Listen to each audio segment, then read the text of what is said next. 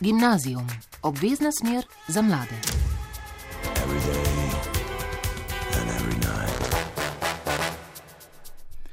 Živijo, jaz sem Domen, uh, hvaležen sem, da sem že 15 let uh, del Dunkin' Devilsov in da lahko s svojimi prijatelji uresničujem naše najbolj nore ideje. Živijo, sem Neli in članica Dunkin' Devilsov sem zato, ker vsak teden, vsak dan doživljam najbolj nore dogodivščine in se s tem ogromno naučim. Živijo, sem Nik, uh, zabijati na koš sem začel že v osnovni šoli in to je moja najljubša stvar, poleg ustvarjanja smešnih videov. Živijo, sem Peter. Pri Dunkin' Davisih mi je najbolj všeč to, da so naši starejši kolegi ustvarjali tako skupnost, ki omogoča meni kot posamezniku osebnostno rast in kot članu ekipe. Živijo, sem Max in akrobatsko zabijanje in akrobatka sta z mano že skoraj dve tretjini življenja. Dragi poslušalci in poslušalke, dober večer in dobrodošli v oddaji Gimnazijum. Slišali ste, dobili ste že kar znaten namik o tem, kdo so nocojšnji gosti, ampak ustvarite še malce pričakovanja med tole skladbo. Dragi poslušalci in poslušalke, dobrodošli nazaj v gimnazijum. Pogled na uro kaže 5 minut čez 12. Na prvem programu Radia Slovenija ste danes smo v živo iz studija 51, ki je v petem nadstropju naše radijske hiše tukaj na Tavčerevi 17 v Ljubljani. Slišali ste že, kdo so gostje, pa vendarle dovolite nekaj uvoda. Leta 2004 so začeli kot skupina prijateljev željo, da skupnost rast razvijajo in pokažejo svoje znanje svetu. Zdaj za njimi že več kot 2000 nastopov v 50 državah sveta, dva Guinnessova, knjiga, dva Guinnessova rekorda in več kot 250 milijonov ogledov viralnih video vsebin. Dunkin' Devils so z nami. Zdaj pa, um, kdo vse? Imena ste že povedali, primkov pa ne.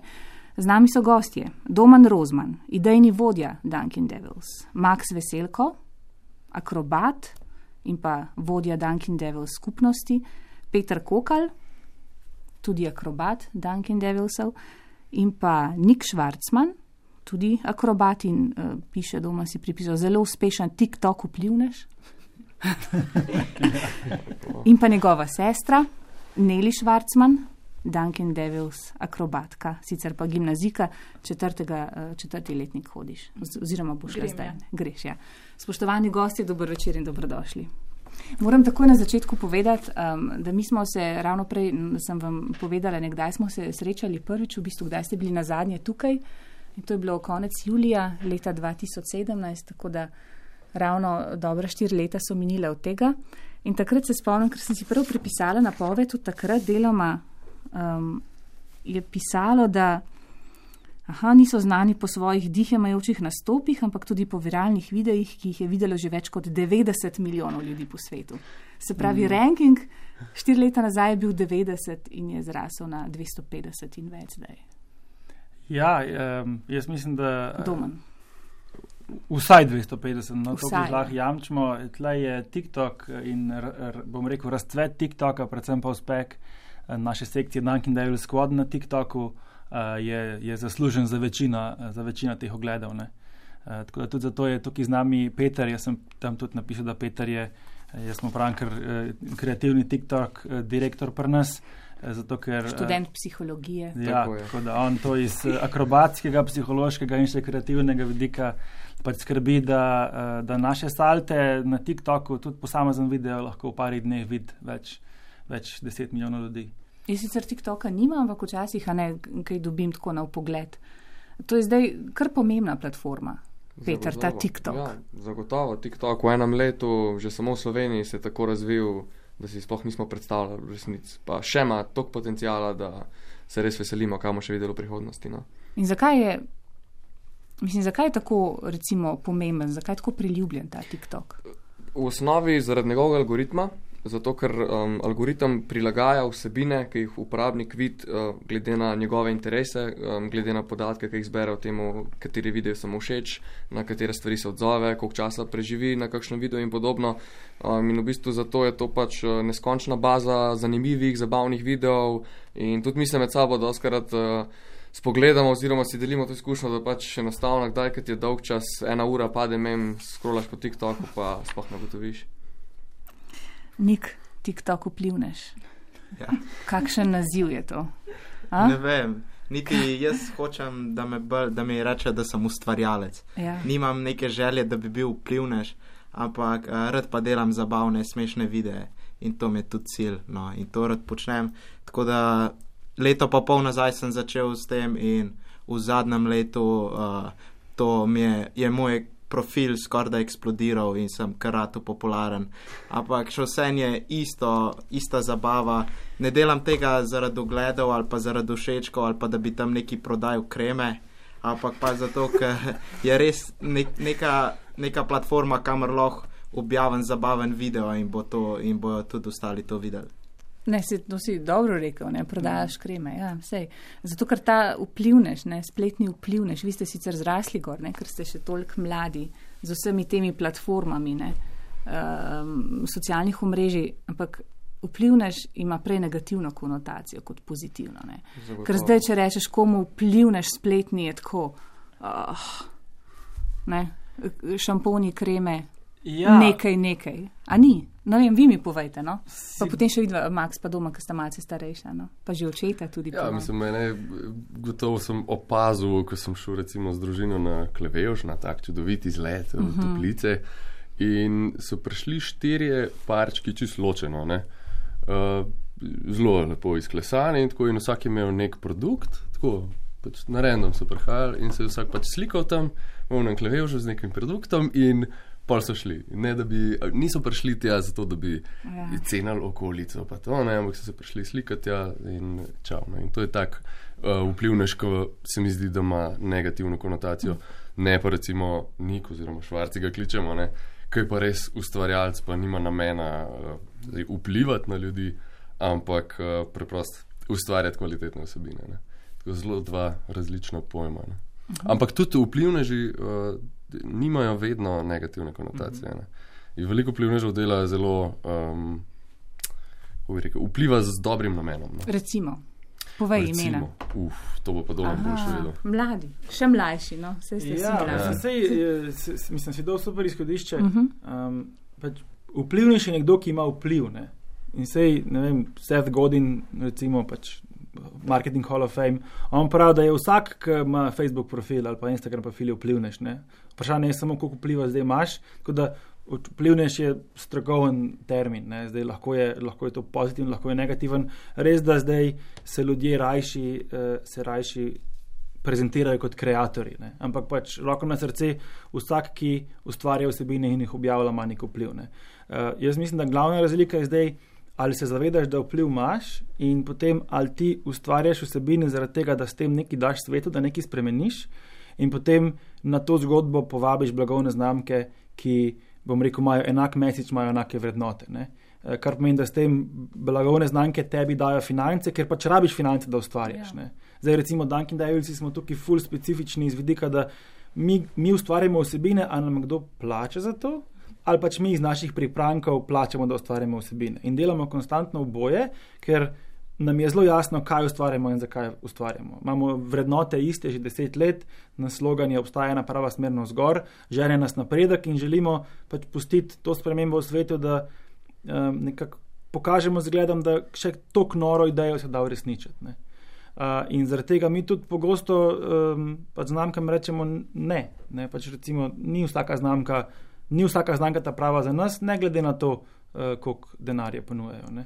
A, načelnost, tudi to je pomembna vrednota. Ja, zato ker bom rekel, tisto, kar daje besedi vplivneš negativno konotacijo, je to, da vidiš nekoga, ki je ustvaril vsebine samo za blagovne znamke, pa bo ustvaril, če dam primer, uh, video te bo ustvaril za Samsung telefonov, potem bo pa Samsung telefon dal v torba, pa bo naprej brskal na iPhonu. Pač to pomeni, da imaš vpliv samo zaradi denarja in tvoj vpliv je popolnoma nepristen in kupljen. In to je tista glavna razlika. Ne? Tudi Nik, vem, da velikrat je že rekel, da pač le, jaz, uh, mislim, pride kakšen projekt, pa reče, ne, jaz tega res ne bi delal. Meni se enostavno mi to, to, ni, to nisem jaz. Ne. In to je, to je težko, več narekati ponuda, teže reči ne. Ampak na dolgi rok, če tega nimaš, pa si izgubiš, kdo si, pa si sam, pa si reklamni pano. A res, a, ni, a si jih zavrnil, šampone recimo, ne vem, ali Ne, kaj, nekaj šampone tako mi ne. banalnega. Ampak sej ne moram tudi vsako stvar v svoje vsebine vkomponirati. Ja, a ne. saj. Tako. Ampak, Tako, ste, ste, če se lahko navežem na to, kar si prej rekla, da v bistvu zdaj mladi pa otroci pač odraščamo skupaj s socialnimi mreži, se pač s tem razvijamo. Um, tudi to, da danes znajo že mehni otroci zaznati, kdaj jih jim kdo hoče nekdo, nekaj samo prodati, pa kdaj je pač nekdo zagovarja nek produkt, zato ker pristno stoji za tem, pa podpira to. Je velika razlika. Ne? In tudi, kot je Nik rekel, ne vzame tudi vsakega produkta, ker njegov namen ni, da bi dobil denar. In tudi, če bi hotel dobiti denar, dan danes te hiter že opazijo, ne? hiter te kolajo avto, da pač um, delaš to sam zato, da bi prodal nekoga. In če bo nekdo čutil, da, bo, da hočeš imeti vpliv nad, nad, nad njim, sam zato, da, bo, da ga boš spravil, da bo nekaj kupil, da boš nekaj zaslužil, te bo pač tudi od, odsledil, ti ne bo več. eh, Mislim, ne boš mu več zanimiv, ne? pač zgubo boš njegovo zaupanje. Bom še tebe vprašala, Neli, ker si edino dekle danes. Vas je koliko zdaj v um, članov Dunkin Devils Max? 70? Ne, uh, cirka, ja, malo manj kot 60. Manj manj kot Ja, 60. tako. Mhm. Je, Koliko je deklet? Koliko je deklet? To je pa, to Ampak je pa nek tak procent, ki uh, vsako leto raste. Ne, 15% je Super. deklet. Je lepo, da si prišla. Ja. Ja. res.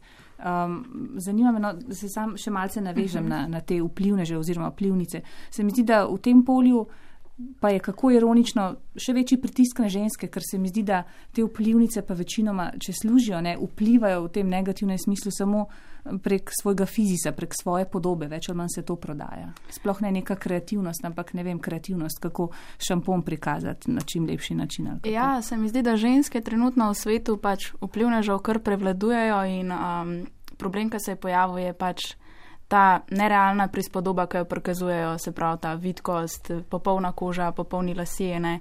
In se mi zdi, da mogoče glih TikTok je tista platforma, ki je mladim začela počasi predstavljati, kako nerealni so te standardi in um, kako moraš biti ti pač zvest sam sebi, moraš imeti rad sam sebe, ne glede na to, kakšne imaš lase, kakšna je tvoja postava. Tako da tukaj bi zelo izpostavila TikTok, da pač se zelo razlikuje recimo od Instagrama, kjer pač, če pogledaš nek Instagram fitane, je od večine vplivnic je vse popolno, a ne.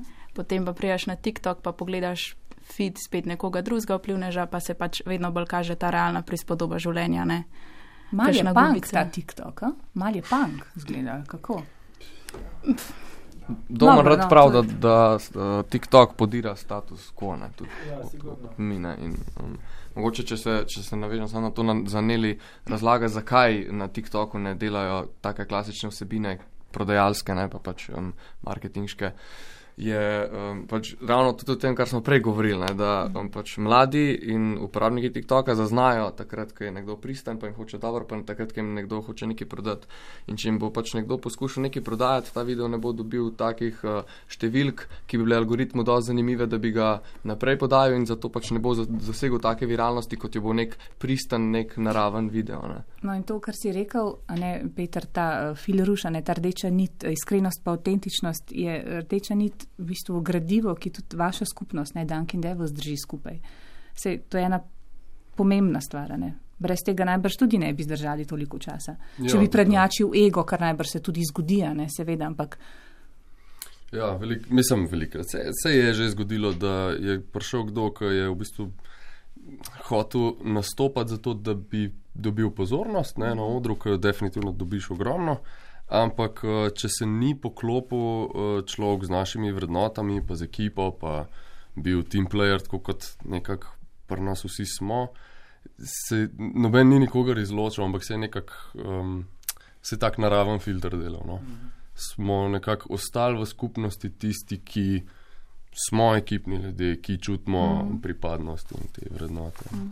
Jaz videl sem še to, da, da, da je pač pri Dunkin Devilsih smo vsem tisti, ki imamo visoke cilje, ki eh, pač vemo, kaj hočemo in vsakega od nas je že večkrat tudi na, na uh, vsakega od nas je tudi večkrat že na, na ego tripal. Um, pa smo naredili kaj, kar načeloma ni bilo skladno s tem, kar hočemo, ne, ali pa ni bilo skladno z našimi vrednotami. Zdaj razlika je v tem, da pač po, zatem je treba biti najtranljivost, pa biti pristen, pa biti avtentičen, pa se upravičiti, pa poslušati drugo mnenje, pa spustiti to. Ne.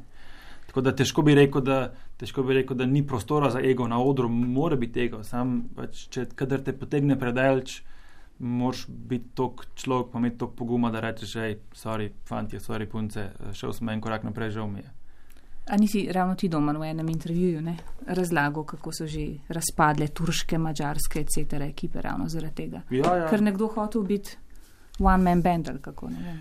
Ja, mislim, Znotraj da- skupnosti. Ja, francoske, turške, mačarske ekipe so v času, mislim, v zadnjih teh 15 letih eh, so razpadle, ja, tako, ko, ko, je zraven, ko je prišel zraven denar, se niso znali zmeniti in so šli pač eno jedro, ena- je, iz enega jedra je dve jedri, staratele dve jedri in ponavadi je pol eno obstalo, pa eno propadlo.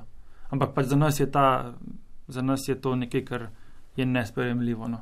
Mislim, to, da bi mi razpadli, je tisto, kar najbolj čuvamo, da se ne zgodi. Nas pa to tudi včasih drži nazaj, no? tako v smislu, da, je, da, je ta, da je ta strah pred razpadom zelo velik. Se moramo tudi čuvati, da, da si zaupamo, da ne bomo razpadli. Ne? Ja, je pa tudi tako, da, zdaj, si rekel, da, da te ekipe um, razpadejo in propadejo. ne, je Pa, en razlog je pa tudi to, da n- treba je delati na, uh, na, na novi generaciji. Ne. Treba je delati na podmladku in predati štafeto naprej. In to je pa tisto, kar smo mi spremenili, kdaj 2013, ne, ko smo odprli akademijo. Um, ker če tega ne bi naredili, pol verjetno zdaj le ne bi sedeli v tem studiu. Mm. Tako pomembno je to, da ustvarjaš novo generacijo in ji predajaš znanje in gradiš, pa pustiš, da gre tudi malo v svojo smer. Ampak ja, na, na tem tudi ogromno delamo. Tudi, ne. Kaj pa vi mladi, ti imaš doma, ti imaš že 34 let, ne? mislim, že se to ni toliko spet. No. Ampak ja, ne, naprema ne mladeničem in mladenki tukaj je vendarle razlika, ne pa Max, ti 30, mi da sta zdaj že očeta tudi postala v tem času, ker se nismo slišali oziroma videli. Um, kaj pa vi mladi, ne? Um, kako razumete oziroma res uh, ponotranjate vse to, kar, o čemer Max pa Doman govorita? Ne? To so v bistvu vrednote, ki pritičajo nasploh ne človeku, ki jih lahko, lahko apliciraš na širsko, širšo skupnost, se jih moraš. Ne? Ja, seveda. Um, Meni se zdi tako, moj pogled na Domna, na Maxa, pa tudi na ostale starejše, je kot da, sta, da so moji mentori, moji kolegi. Um, pač stalno imam priložnost, da se učim, pa obenem imam stalno priložnost, da delam na svojih talentih, pa na svojih interesih um, in uporabljam to novo znanje. No. Um, in tako, tudi, kar ste prej govorili, ne, um, oni so začeli akademijo leta 2013. Leta 2014, mislim, da pa so pa jaz pa švarci prišla recimo v to akademijo. Ne. Ravno s tem razlogom, ker ne vem, sem jaz na Facebooku videl, da je odprti trening in sem rekel, to si pa želim, ne. da sem šel in pač od takrat sem pri Dunkin' Davisih. Kaj pa ti neli? Ja, jaz v bistvu na Devil se ne gledam kot na neko akrobatsko šolo, ampak bolj kot nek šolo za življenje. Um, sem, sem prišla štiri leta nazaj z mal akrobatskimi osnovami in seveda sem pač dobila ogromno akrobatskega znanja, poleg tega pa tudi um, znanje, kako delati v ekipi, kako se soočati s kakšno stresno situacijo, kako nastopati, kako se postaviti zase. Um, ja, se mi zdi, da se pač res skozi skoz projekte učim ogromno stvari koristnih za življenje, ne samo pač na akrobatskem področju, ampak pač na zelo širokem. Pa kako biti odgovoren za svoje dejanja? Ne? To je Ja, tudi nekaj, kar ti učiš doma, kar je zelo pomembno. krivdo. Tako je. Odgovornost. Odgovornost, ja. Ne govore o odgovornosti, nikoli o krivdi. Ja, se je ravno to, ne? to je ena taka. Ne, človek, ki zafrkne, v bistvu potrebuje um, ne bičanja, res ne potrebuje. No, ja. Akceptiranje svoje napake, ne? Ja, pa malce self-care, kako nege. Mislim, tako kot je Max lepo rekel, gre, gre, gre za to, da mi učimo pač 100% odgovornost, kar mm. pomeni, da pač angliška beseda je responsible, Mm. mm. responsibility, ne, torej responsible, being able to respond. Mm. Kar pomeni, da če sem jaz 100% odgovoren, pomeni, da imam 100% moč, da nekaj spremenim. Ampak zdaj tudi, če se jaz vodim neko ekipo ljudi in nekdo v moji ekipi nekaj ne naredi, ne, ni, re, mislim, reakcija, on tega ni naredil. Če vodja to reče, ne sprejema odgovornosti. Ne. Jaz sem glih s Petrom sem imel ne dva tedna nazaj primer, pa sem bil ful, sem bil ful vesel, sem ga tudi pohvalil. Ne. Je, je glih bilo je na predvečer dopusta 15-dnevnega, ne, ne vem, recimo ob 11. zvečer, so govorili po telefonu, pa mi je rekel, pač, uh, ta pa ta ni tega pa tega naredil, ampak jaz vem, da mu nisem dovolj jasno dal navodila, hej, bom mogel zdaj tri ure jaz to narediti, ampak štekam. V smislu, razumel je, da kriv dodajati na vzdolj ne boš nič ustvaril. ne. Pač on je bil vodja nekega projekta, če ga, bom rekel, ne podrejeni, če člani projekta tega niso naredili, je odgovoren vodja najde rešitev. Tudi če je to v 11. zvečer, na predvečer dopusta. Ne. To je ta responsibility in pač to v pisarni je težje vzpostaviti kot na odru, ko na odru je pa jasno, noben ne more zabiti žoge na mest tebe, noben ne more podati na mest tebe. Ne. In iz tle izhaja to. Ja, zdaj, ko te poslušam, ko vas poslušam, ne se vem, vi ste zdaj svetovna znamka, ne, po vseh teh letih um, se zastavili ste, ne, um, v bistvu um, za svetovni trg že z imenom, ampak tako kot poslušam, to, niso, to ni ravno slovenska mentaliteta. Ne. To zdaj, kar ti učiš, pa ne, česa se vi učite prek ostalih starejših članov, to je zelo ameriško tudi, ni. Ampak v tistih dobrih stvarih, recimo. V jedrnih, ne vem, tudi, da ne, če, če ti kaj ne gre, da se, ne vem, ustaneš, se pobereš in nadaljuješ, da te ne zlomi to. No, vem, v Ameriki lahko, ne vem, zgubi službo, podjetja propadejo, ne vem, ljudje bodo šli na drug konec Amerike, štirikrat, desetkrat bodo štartali znova. Pri nas je malce drugačna mentaliteta, no, se mi zdi. Mogoče, ampak moram reči, da nisem dobil tega občutka. No, čeprav, evo, ja, Ne, ameriško, jamranje, ameriško jamranje, se. recimo, ne, in- No, jamre, recimo. Klasika, ki je uh, stalna tema, ne, pogovor. Lahko, če se pač pogovarjaš s pravimi ljudmi oziroma napačnimi. Ampak moram reči, da nisem tega veliko začutil, mogoče zato, ker toliko časa preživim v tej družbi, ne, uh -huh. kjer pa je jamranje neki pač tako. Min grede brez pomena, pa predvsem daleč od glavne teme. Ne. Pa zdaj, ko rečemo ameriško, mislim tiste pozitivne stvari, ker ko človeku rečeš ameriško, pomisli na najslabše, pa ne vem, zakaj se je to z leti zgodilo, ampak ne. Ampak ko smo že pri Ameriki, um, mislim, da ravno preden je ne, pandemija vse zaprla po svetu, da ste bili vi. V Dallasu je bil vaš zadnji nastop, a je Tako bil večji. Ja. V Dallasu je bil naš zadnji nastop in pol je bila pauza dolg časa. Kdaj ste bili v Dallasu? Lani novembra. Ne, lani marca, v bistvu marca tik pred pandemijo. Mi smo šli na okej. letalo, ko je eh, v Italiji že bila huda, huda Mhm. štala. In nismo vedeli dejansko, ko smo bili v- Ameriki, so začeli zapirati cele, um, pač mesta so začeli zapirati, letališča in nismo vedeli, bomo prišli domov ali ne. ne. Mhm. Je bilo kar napeto. Je bil zad, mislim, nastop na zadnji NBA tekmi, ki se je dograla pred občinstvom. Uh, Mhm. pač, In Dončić je seveda igral. in ja, Seveda, Luka je seveda igral, malo fanti so, tudi ne. sliko z Lukatom. ja, ja. Sej sem videla na spletu. Ja. Ja. Potem je bilo pa to, mislim, potem je pa to, da mi bi mogli turnejo v Kaliforniji nadaljevati. Ja. Pa smo do Kalifornije še prišli. Pa je bil pa tale Trump Travel Ban.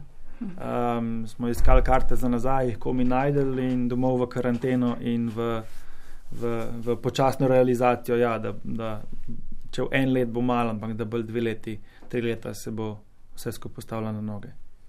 Pa kakšna izkušnja je to, Max? A ti si edini, ki si bil um, v Dallasu, ja, v teh, ja. v tukaj, ki ste danes? Mhm. Koliko nastop je trajal? Dobrih pet minut? Ja, ja Ampak priprave so trajale kar še en mesec, čist nov šov smo naredili, vse v kabo. Ja, jaz sem si ogledala to drugače na spletu, ker imate Ja. posnetek na YouTubu, vse si lahko vsi pogledajo. Mm. Mislim, bil je fenomenalen nastop, to nekaj in vzdušje na tekmi. In tako, ko smo šli pol uh, tekmo gledati, Ja. ne, po nastopu, folk je plo, jaz sploh nisem vedel, da so nam ploskali, ampak ko smo mi prišli na tribuno, nam je pač pol tribune Ja. zaploskali, tako in se drn. Um, ampak ja, po nastopu je bilo pa tako mal apokaliptično vzdušje, ne, ki je bilo res. Res noben ni vedel, kako huda je bolezen, kako Ja. bo šlo navzdol vse. Ampak, Tako, zanimivo je bilo. No. A Pa je ameriška drugačna publika, kar se tega tiče, tako bolj odprta, pa bolj v bistvu ceni, pa spoštuje, pa navija ja, za te bolj- dosežke, bolj razumejo da so bolj iskreni, bolj uh, odprti, bolj odkriti. Če, če čutijo navdušenje, jih ni sram ga pokazati. Um, Pri evropski publiki, sploh bolj proti severu, kad greš ali pa proti vzhodu, uh, bolj jih je sram pokazati, da jim je nekaj všeč. Pa ne vem zakaj, ampak tako je. Na jugu je pa kontra. To pa Italija, pa Španija, pa Balkan, to, pa, to se jim pa meša. A je to tudi tisto, kar vas mlade vznemirja, ta odziv? Ne, se, se vi delate to zaradi svojega veselja, ne, pa razvoja in tako naprej, ampak vseeno ne, to delate še vedno zato, da bodo drugi videli, gledali, pa se odzvali. Kako je s tem odzivom za vas, kaj to pomeni? Tudi, tudi, ampak jaz vidim odziv kot, sam kot eno pozitivno potrditev, da pač nekaj delam prav, zato ker na šov ne grem s tem, da iščem um, dober odziv, ampak s tem, da sam sebi dokažem, da znam, da sam sebi dokažem, da ta trik znam tako dobro, da mi je vsem, a ga pokažem 200 ljudem, pa 5000 ali pa 10 tisoč. Aha, se pravi, če že tekmujete, tekmujete s sabo, vsak s sabo. Sabo pa tudi um, drug z drugim, ne, tudi. Uh, No, ja, ja, ja. Naši ekipi um, se mi zdi, da že humor zelo živino in uh, konstantno zdravo, zdravo zbadanje um, je sam, sam bonus, no, sam plus. In se mi zdi, da je prav, recimo, ker smo, okay, smo dolg časa na razen drug od drugega, pa se, pa se pol vidimo, se moraš še malo za nazaj, malo popikati, uh -huh. pa malo poprašati, pa pogledati. Ja, ja. Ampak tako iz ljubezni. ja, seveda, vsaj iz ljubezni. Kaj pa, eh, ti, Niko, kaj pa ti ponavadi daš na TikTok, recimo? Kaj objaviš, recimo? A, jaz delam kakšne skeče, Ja, včasih se tudi iz koga ponorčujem ali pa kaj tajnega, provam ne biti spet preveč žaljiv, mogoče iz kakšnega drugega TikTok vplivneža, kaj. ampak drugače delam kakšne zabavne vsakdanje prigode, ampak ja, zmeraj je tako neka zabaven twist na koncu ali kaj takega. Tako da, ja, ni, ni akro, niso akrobatske vsebine na mojem TikToku, v primerjavi s tem, kar obla, objavljamo pa na Didi Squad profilu, ki je pa mednaroden, tam pa delamo čim bolj kreativne, zanimive videe s temi našimi akrobacijami, pa norimi stanti, ki jih počnemo. Aha, ti pa nič ne objavljaš zasebno tega, kar se v Devilsih dogaja, ne? Uh, ne, ne, kar je vse boljše, da damo tja. Aha, to imate vi natančno izdelano strategijo, najbrž tudi ne. Seveda se mora biti doma, ne. Se pravi, uh, Didi Squat je najbrž kaj. Uh, ja, v bistvu je. Um, A s tem se Peter ukvarja največ, kako? Ne. Niti ne, v resnici ne. Mi je Max, pa še trije starejši člani, Aha. ne so to začeli, bi kar pustil, Ja, ja, da povejo. no. prekinila doma. Ja, ne, ne, ni problema. Didi Squad je no, torej, okrašava za Dunkin' Devil Squad. Pač ustanovni člani so bili Max, Gašpar, Mateuš pa Jan Žnidašič, zdaj sta se pridružili še Nik pa Peter. Ne? In zdaj Didi Squad je tista sekcija Dunkin' Devilsov, ki probava najbolj nore stvari. Ne? In so jaz velika pravim, da so kar ledolomilci, ki lomijo led, da lahko zdaj druge tovorne ladje pelejo zadaj. E, tudi e, za sobotni dogodek, torej trampolinski moč z Ljubljanco, več večina izuma se je zgodila dve, tri leta nazaj, mislim, na, v, glava, v njihovih glavah, na njihovih plečih. Ne. Kar se tiče pa zdaj, ja, strategija nastopa na družbenih omrežjih, ne, je pa podobno kot en full dobro podaja, pa dela salte, drug pa full dobro zabija, ne, podoben je en full dobro v TikToku, en full dobro v Instagramu, en full dobro v YouTubu. Ne. In recimo za Dunkin' Devil Squad, Peter ima čez TikTok profil, Jan ima čez Instagram profil, Nik ima čez uh, YouTube kanal. Ne.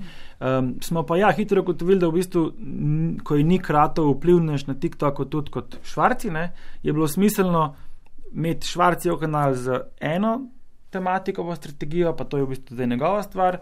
Uh, um, in ni imel nekaj smisla tja še salto tlačati po domačno. Tako. Se pravi, ta uspešnost um, na TikToku se tudi meri kaj s številom sledilcev ali kako? Ja, ja, kako ne. gre to?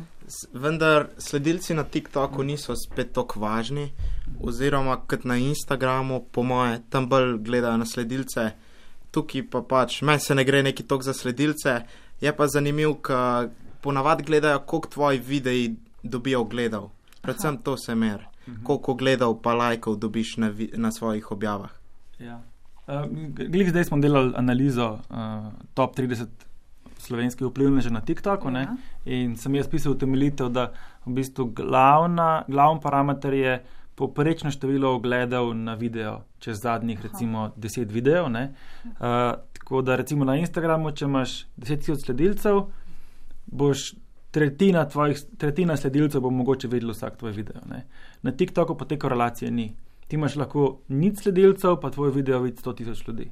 Ali imaš pa milijon sledilcev, pa tvoj video vidi 3000 ljudi. In mogoče glih zdaj je, kaj je aktualen primer. Peter je včeraj, torej 24 ur nazaj, odprl profil odbito na Ljubljanici, ne, torej nov profil z namenom, da bomo gor dali vsebine z dogodka. Po mojem, da eh, če bi pošteli oglede zadnjih petih posnetkov na novem profilu z nič sledilci, je ogledal že 150 tisoč. ne. Torej ta priložnost TikToka je, da je vsebina, v angleščini content is king, vsebina in kvaliteta vsebine in koliko si ljudje želijo videti to vsebino, je edini parameter, ki šteje. Nima veze, ali si ti nov ali si gor že dve leti, če boš delal dobro vsebino, ki rezonira z gledalci, te bo platforma nagradila. In to je ta fenomen TikToka. Ne? Preprosto v osnovi. Ne? Čist, Ampak simpel. kolikšna pa je tista številka ogledov, ko rečeš, uspešen sem? Um, tako je, ne? mislim, v, v, v Sloveniji je recimo na TikToku 350 tisoč uporabnikov, ne?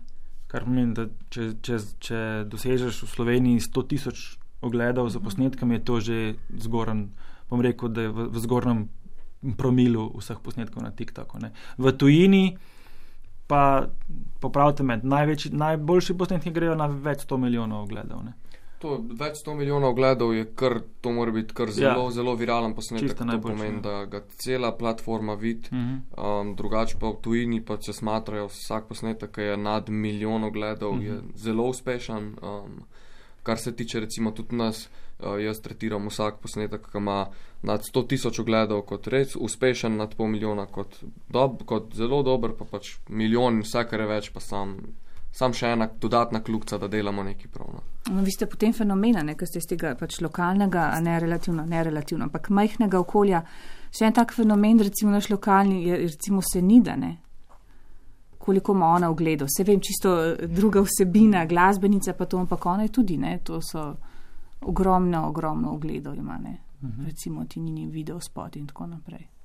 Dobro, ko smo že pri glasbi, da imamo en glasbeni predah, potem pa bi šla jaz, eh, namenoma sem začela tako debato um, da vas še malce drugače spoznamo, kako razmišljate, um, kaj razmišljate. Namenoma nisem vaših dosežkov, pa posameznih teh stvari omenjala, ampak jih bomo v drugi polovici oddaje. Se vrnemo. 20 in 39 minut na prvem programu Radia Slovenija, dragi poslušalci in poslušalke, poslušate oddajo Gimnazijum, uživo smo danes, um, z nami pa so Dunkin Devils, oziroma pet članov skupine, sicer jih je nekaj več kot še 60, vas je, ne si rekel, Max? Tako nekako. Ja. Kot sem rekla vam med, tole, med tem glasbenim predahom, da namenoma nisem omenjala teh vaših presežkov, ampak moram reči, mislim, da meni se, meni se zdite, jaz ne vem, če poznam večje frajere kot vas. To, kar delate, se mi zdi res frajersko, ultra frajersko. Um, vi ste v bistvu svetovna znamka in po eni strani res ne razumem, kako to, da niste več prezentirani, bolj v medijih, pa čisleni. Mogoče je to spet neka naša slovenska posebnost, ne vem. Um, ampak vi ste dejansko tudi svetovni fenomen, vi ste svetovna znamka, ne samo to od Vaginesova rekorda, um, pa ti vsi vaši obiski, pa m, večmilijonski ogledi, ne? ampak tako nasploh, to ni kar tako ta uspeh prišel. Ja. Vi imate res vse to, kar ste že prej tudi omenjali, kar vas povezuje, ampak um, moraš imeti tudi ideje, pa upati si, pa kaj še vse. Ne vem. Ja, zdaj si več, stvar, več stvari si odprla. Ja, ogromno sem Ampak, odprla. ampak- um, ja, mislim, svetovna znamka, sigurno, ne se nas iz tega sveta vabijo za, za nastope.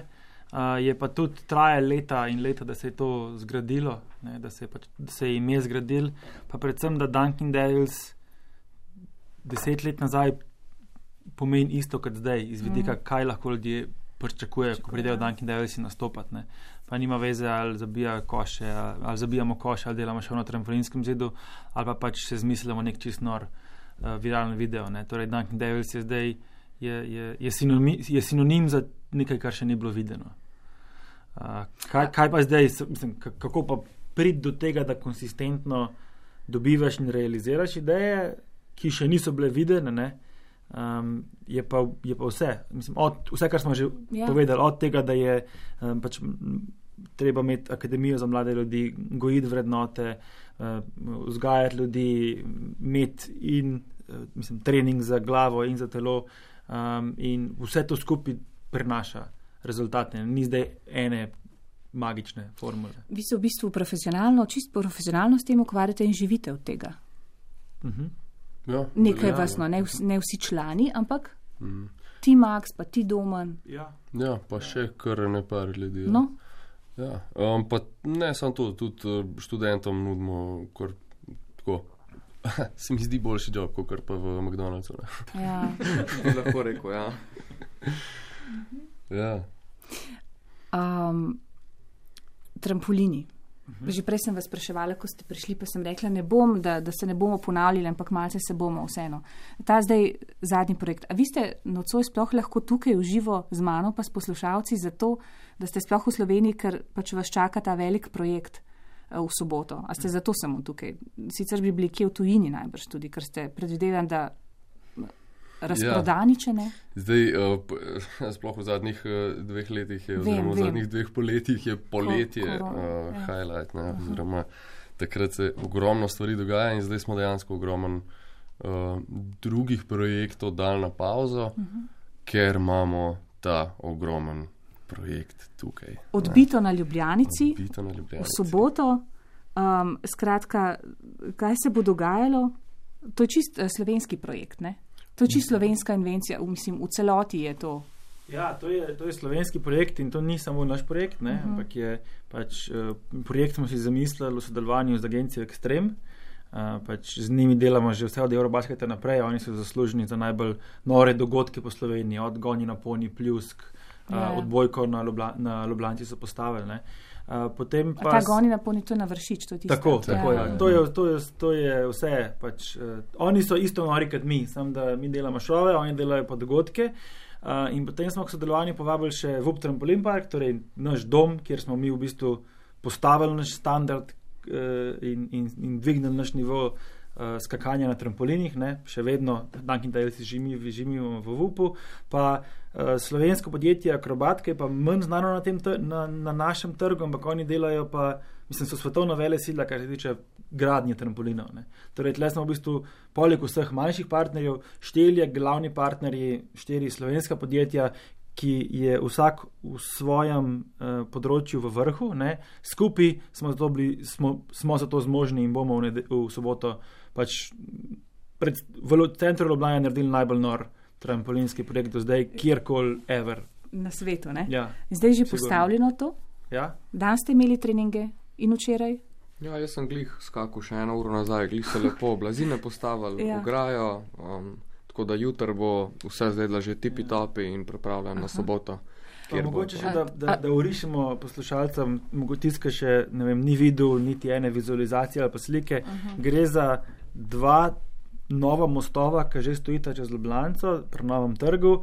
En most je, en most je v bistvu najdaljši trampolin na svetu, kjer lahko kdorkoli v petek ali pa v soboto dejansko z večmi skoki preskoči Ljubljanico. Z enega brega na drugega. Z enega brega dejansko. na drug breg, ja. Drug most je pa, ima pa štiri trampoline, en od njih je pa največji trampolin na svetu, Dunkin' Devils Izum, imenovan Supernova, uh, in še tri manjši trampolini, uh, kjer pa bodo se za tri različne naslove potegovali najboljši trampolinarji iz cele Evrope, pa tudi iz Amerike preletijo, tekmovati k nam v Ljubljano.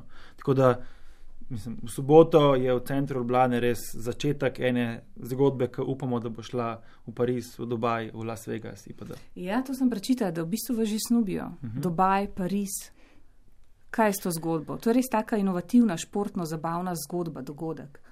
Ja, eh, dejansko iz Pariza eh, so, so nas že kontaktirali z vidika, da imajo oni neke podobne ideje, ampak da bi, če bi kar mi svoje tja pripeljali. Ne? Zdaj, eh, mi smo, mi smo že dolgo nazaj sanjali o tem, da bi ta naš trampolinski most kar v ta sredinski štuk Eiffelovega stolpa upel, ne? pač Eiffelov stolp ima tam en tak pano. Uh, potem pa, uh, ko so bili fantje v, v Dubaju, je pa tudi agencija, ki nas je najela, pa še par drugih partnerjev, so zasledili objave in so rekli, hej, mi iščemo take inovativne stvari za 2022, ne. da ko bo projekt končan, pošljite takoj slike, pošljite takoj video, dajmo to, dajmo to še k nam pripeljati. ne. Ker odbiti na Ljubljanci je res inovacija na svetovnem nivoju. Wow. Kaj pa mladi, a vi vsi trije boste skakali, Neli, Nik pa Peter? Seveda. Vsi trije. Mislim, tega pa res ne bi hotel zamuditi. Ne? No, no, zdaj, ko ste že eh, ne, testirali ta največji trampolin na svetu, koliko je to 12x12 metrov, ne sem si prav zapomnila. Ja, notranje mere. Notranje mere, seveda. Ja. Tako da funkcionalno je 13x13 Razumem, ja. metrov. In koliko visoko to lahko skočiš? Koliko visoko skočite? Tako, najprej sam težko, na trampolin rabiš pomagače, Uh -huh. 4 do 5 pomagačev, da ti napenjajo mrežo, se pravi, ko ti pristaneš, oni malo pred tabo skočijo noter, zato da ti jo bolj napnejo in pa tebe ustreli v zrak. In pa, ko ti ene dvakrat, trikrat ko ponoviš, ene 5 do 8 metrov, po mojem, komod dosežeš. Če se lo bolj potrudimo, pa če bolj lahek tisk Ja. ja. skače, pa gre tudi več. Ne? Koliko Ja. v višino? Ja, v- lej, eh, Tle se z Maxom nikoli ne strinjava. Mi smo v medijih rekli, da bomo leteli 14 metrov visok, uh, Max pravi, da 10, mogoče 12, ampak Eh, za finale jut- sobotnega dneva imamo tekmovanje v najvišjem skoku. Tako da Aha. v, v soboto ob desetih zvečer caca bomo vedeli točno res, bomo- gre. Bomo štopali prav čas, Ja. koliko časa človek preživi v zraku in z eno zelo simpel formulo se da poračunati, koliko visok bo šlo. Ob kateri uri se to, ob kateri uri se to se bo odvilo to? U, to se bo dogajalo. To čez po- cel dan, ampak vse to- Ja. Drugač dogodek bo od 10. zjutraj do 10. zvečer.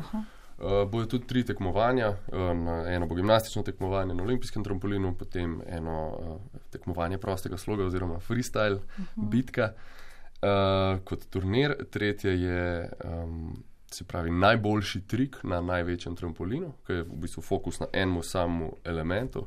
Pa pa zadnjo je pa tole, ne, najvišji skok. Kaj je to trika? To je podobno kot uh, zdaj smo na olimpijskih igrah gledali, to, ko skačejo ti plavalci. Um, Uh, Recimo dol v bazene. v vodo. Ja. uh, A je to ta princip, recimo, trikov? Princip. Ja, na, na, na en skok se fokusira to tekmovanje na ta velikem trampolinu. Čakaj, eh, Max, ti si Guinnessov rekorder, ne? Ja, A še drži, drži ja. tvoj rekord? Ja, ampak jaz malo Kaj- računam na to, da bojo tam mali kaj podarali počasi. V čem je to, no, daj, da, da, da, To je- spo, da spomniš Uh, poslušalce? to je salta, salta zabijanje, uh, se pravi najvišje salta zabijanje. Um, se pravi, preskočil sem uh, štrik, ki je bil na 5 na 3 metrih 55, to je nekako na sredini table. Um, in se nisem smel dotakniti štrikca in se ga nisem. Tako. A boste podirali? Neli, a boš podirala rekord? Uf. Um, jaz sem sicer um, bolj se orientiram v drugo disciplino, predevil si jih trampolinski zid, ne? nisem toliko v akrobatskem zabijanju, tako da ne vem, mogoče bomo na trampolinskem zidu kakšen Guinnessov rekord postavili. Ne? Pa jaz To super. tudi mislim, da je nam bolj interesu, ne da podiramo rekorde naših članov, ampak da postavljamo nove rekorde, ne? da jih imamo skupaj več. Ne? Tako. Tako, ja. Lahko se tudi zmenimo. Ja. Mene sploh ne zanima, da bi poderil, če ni meral vsaj 10 metrov. Ja, zdaj, zdaj ta, ta drugi rekord so nam vzeli Mačari na 10 metrov 10 cm, tako da štarci lahko greš podirati. Ampak to je rekord izpred sedmih let. Ja, To veš. ja, vem, ja. No, Uh, ja. lej, prostora je še. Prostora je še. Ja, če bi registrirali, bi že zdaj s tem dogodkom lahko dva podarili. ne? ja. Um, bom tebe vprašala, Neli, zakaj misliš, da, da so trampolini tako zelo priljubljeni, sploh zadnja leta? Se mi zdi, da zdaj pa ima že res vsak vrt, ne vsako dvorišče, um, ima, ima svoj trampolin. Uf, ne vem, mogoče so glih ta socialna omrežja, pa mogoče prav TikTok, ne, kjer vsak lahko vidi, kakšnega, ki na trampolinu skače. Pa razvoj recimo trampolin parkov, otroci so čisto sedeni z upama, ne. Drugač pa ne, mo mogoče ima to vsak otrok že v sebi. Jaz se tudi spomnim, da ko sem bila še čist majhna punčka, sem bila čisto obsedena s trampolini, posod na morju. Na, noro, da je to tako, ne vem, kaj je to organsko, to skakanje, pa tisti občutek, par trenutkov breztežnosti, ko si v zraku, Letenja, o čem je Jaz fura? mislim, da je velik del tega, ja. da je ta uh, trenutna breztežnost, ki traja mečkan dlje kot ponavadi. Ja, Da je to tisto, kar ti daje neko, ne vem, ali adrenalin ali pa mogoče fizično svobodo. ja. Ne Telo je takrat popolnoma svobodno, nima nobenih uh, ovir. ne. Pa letiš, v bistvu letiš ne za te kratke trenutke, a ni to, ali kaj? Ja, ja. Pa tudi se mi zdi, da skakanje je nek način izražanja, ne, zagotovo pač mm. sebe, tvoje, svojo telesno govorico pač nekaj pokažeš, nekaj poveš. Ne. Um, Ja, vse si dal ful dobro izhodišče, ne? kar se je zgodilo v zadnjih osmih letih s prihodom trampolin parkov, torej v, v, v Evropo, ne, če govorimo za naš, eh, naš trg, pa v Sloveniji specifično z prihodom VUPA, je to, da trampolinanje ni več v domeni gimnastike, samo v domeni gimnastike, ne, ampak trampolinanje je prešlo v um, subkulturo freestyla, skatanja, smučanja, bajkanja itd. In vsi te, uh, vsi te športniki trenirajo gibanje, svoje gibanje telesa na trampolinih. Ne. In iz tega vidika je trampolin kar naenkrat postal več kot samo ja, otročka, kaj če pa mu je kul, cool, ampak tudi kasneje si lahko bil. Trampolin artist pa vstal v subkulturi, ki je popularna. Ne? Torej, nisi bil več tisti z oprijetimi pajkicami. Ja, In uh, iz tega vidika je trampolin um, dejansko bil ponovno rojen, s tem, ko je vstopil v, druge subkulture. No? Dobro, zdaj malce klišejsko vprašanje, ampak vendarle? A, a vas je, česa vas je najbolj strah pri vseh teh podvigih vaših? a Ne, ker to, mislim, ene stvari, ki jih delate, so pa v bistvu kaskaderske ne, in so smrtno nevarne, če smo povsem iskreni. Ne? Ja, um, zdaj, sploh z razvojem Didi Squad ekipe se mi zdi, da so lih taki podvigi postali zmer bolj pogosto, ampak moram povdariti, da so smrtno nevarni kakšni te podvigi, če posameznik ne ve, kaj dela. Oziroma, če eh, se loti nekdo, ki um, ocenjuje svoje sposobnosti više kot realno stanje. Ne. To je takrat rata stvari nevarne. To si dobro rekel. To se me zdaj spomni, ko sem delala en intervju z najglobljim eh, človekom na zemlji, apneistom Herbertom Ničem, eh, Avstrijec je. Eh, sem rekla, če ga je kaj strah, pa če se mu zdi to nevarno tako globoko potapljati, ne, mislim, na vdih. Rekel, da se mu zdi, ker sem intervju delala na Azurni obali, rekel, da se mu zdi bolj nevarna vožnja do Azurne obale iz Slovenije. Ne? Če Ja, ja, veš, kaj ja. delaš, ne? Točno to. fokus, um, tudi meditacija, varnostni mehanizmi, vse to. Mhm. Ja. In zelo pomemben je tudi presoditi, ko si v situaciji, da Ja. ja. imaš priložnost izvesti eno tako zadevo, presoditi, a, a, a hočeš to narediti zato, da zadovoljiš svoj ego, pa mm -hmm. a je mogoče ven iz tvoje cone znanja in sposobnosti, ali ni. Ne? Mhm. In se odzvati na, na to sodbo, Ja. kako te treba. Ne? Pa mogoče bi še uh, zelo plastičen primer, recimo uspon na trbovski dimnik. ne. Oh, Ogromno hvala. Ogromno Ja, ljudi ja. je šlo gor, brez varovanja, brez vsega. Ne? Pač, uh, mi, nači, mi ne spoštujemo takega načina obnašanja. Ne? Ko smo šli mi gor, smo šli plansko z alpinisti, vsi, ki so delali gor tri, ki so bili dvojno, celo trojno varovani, presedeli smo nič kot ulk v, pis, v pisarni, rihtal, gruntal, kaj vse je bilo aško narobe in kako lahko to preprečimo. Ne? In to je naš način razmišljanja. Torej, karkoli se lotimo, mi minimali, minimaliziramo um, izpostavljenost. Seveda pa isto kot na cesti, pač nima veze, kako voziš, se ti lahko en zabije v Ja. avto, pa nimaš kaj. Ne? No, a se lahko še malce ostavimo pri tem podvigu, ne? Ja. Um, ta trbovelski dimnik, že to je fascinantno samo po sebi, da imamo Slovenci najvišji dimnik v Evropi, pa mislim, da sedmi v svetu, da je sedmi najvišji na svetu. Um, 360 metrov, ampak to je precej krušljiva zadeva, sicer ne. A ste, a ste v- videli že? Vem, da ko je Janja Garmbred plezala gor pa doma Škofic, ne, Ja. um, so morali kar utrjevati ene uprimke, tako Ja, precej, ja, ja. precej. To, to, um, Kron saj vas smo sta prosto videli. plezala, ne? Ja. Vi ste šli pač po lestvi, ampak vi ste lestvi, zgor ja, delali akrobacije prav, hude. Ja, uh, zdaj, da bi, da bi se tako, da bi bil nevarno krušljiv, to ne bi rekel. Seveda se neke luske, vsake tok se odlepi, ampak to je pr, koliko je 40 let star, ne, ta beton, še več. Uh, niso globoke, no, predvsem ni tako Aha, globokih dobro. razpok, ampak se površinsko mogoče, tako da ni, ni to. A ni, dobro. No, ampak aj to, jaz sem si danes spet ogledala, ne.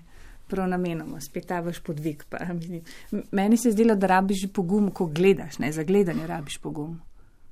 A, mislim, to, a to pa te je bilo strah. A, Max? Um, mene je bilo najbolj strah v bistvu na čisto vrhnem delu, ker je zato, ker ta kletka, v kateri je lojtra, ne, uh -huh. ni čist, čist do vrha, ampak si Ja. vmes pol metra zelo izpostavljen. Takrat me je bilo strah, pa, Pa ti si varoval pa kolege. ko ne? sem varoval, pa so oni delali tam, pa je- so žonglirali, pa delali prevale gor, pa lasto, kaj ne. Uh -huh. Takrat me je bilo tudi strah. No. Um, ampak sem vedel, da pač so štriki tako postavljeni, da karkoli se zgodi, bomo vsi Ja. ja. obviseli. A, a se vam zdi, da je to bil vaš najbolj drzen projekt? Podvig. Pa še za mlade me zanima, kaj si mislite o tem. Seveda ste si ogledali. ne? Mislim, smo si ogledali od gori, ne? A ja, ti si bil, a prosti Peter, a ti si bil gor, oba, vsi trije ste bili. Ja, ja, Jaz nisem bila. ja. Se upravičujem, vidva pa Nik in Peter. Ja. Ne, mene ni strah višine, tako da mi gor mi je bil full žur, ni me bilo neki strah, bil sem Aha. prvezan, pa Max je bil tam. Tako da zaradi tega me ni bilo strah, me je bilo druge že bolj strah. Te pa tako, no, te pa zares dojamaš, uh -huh. da pa kvasi pa naredil, pa kam, kje si, pa še le, ki si gorno, ne vem. Jaz, pred, preden smo šli, pač, sem, ne vem, nisem iskreno ful razmišljal o tem, pač vedel sem, da bo velik za plezat, vedel sem, da bo verjetno naporno, ampak um, mi smo mogli, um, mi smo bili ekipa, ki smo šli prvi gor in smo mogli zraven prenesti opremo in stvari um, in bilo tako, no, kar naporno, no, ampak um, ko pa enkrat priješ gor, bi pa lahko še dvakrat toliko napora prenesel Ja. za nagrado. Ampak a se zgodi tudi to pri vsem tem adrenalinu, ki najbrž prica po vznemirjanju, a prija tudi tak mir, pa občutek lepote. Joj, Ja. ja. Jaz sem imel tak čudovit trenutek, v bistvu eno uro, ker uh, sem mogel pred vsemi zjutraj, uh, ob 4 zjutraj sva štartala z enim GRS-ovcem. In so prišla gor, zrihtala v petih minutah, in pa so imela eno uro frej. In Ja. sem sedel gor na čist na vrhnem robu, uh, oziroma ležal sem tam gor in samo občudoval sem si zahod. In se napajajo, mir po adrenalinu. Ja. Moramo nehati, ker se začnejo poročila čez minuto in pol. Kaj ne rečem? Uspešen projekt vam želim, uh, uspešen event, uh, dogodek v soboto. Uh, jaz upam, da, da pridem, pa še vsi ostali, ki tole poslušajo. To bo res pač svetovni format dogodka in vam želim še naprej vse dobro, da bi bili zdravi, pa tako kreativni, pa um, stremeli k razvoju, pa ustvarjanju še naprej. Hvala, ker ste prišli, pa vse dobro vam voščim. Hvala za povabilo. Ker ste nas imeli. Srečno. Dragi poslušalci in poslušalke, z nami so bili Neli Švarcman, Nik Švarcman, Peter Kokal, Max Veselko in Domen Rozman. To je bila vdaja Gimnazijum, tonska mojstrica Mirta Berlan, glasbeni urednik Andrej Prezel, oddajo sem pripravila in vodila Lijana Buršič. Lepo, če smo se slišali, miren večer vam želim in ostanite v družbi prvega programa Radia Slovenija še naprej. Gimnazijum, obvezna smer za mlade. Everyday.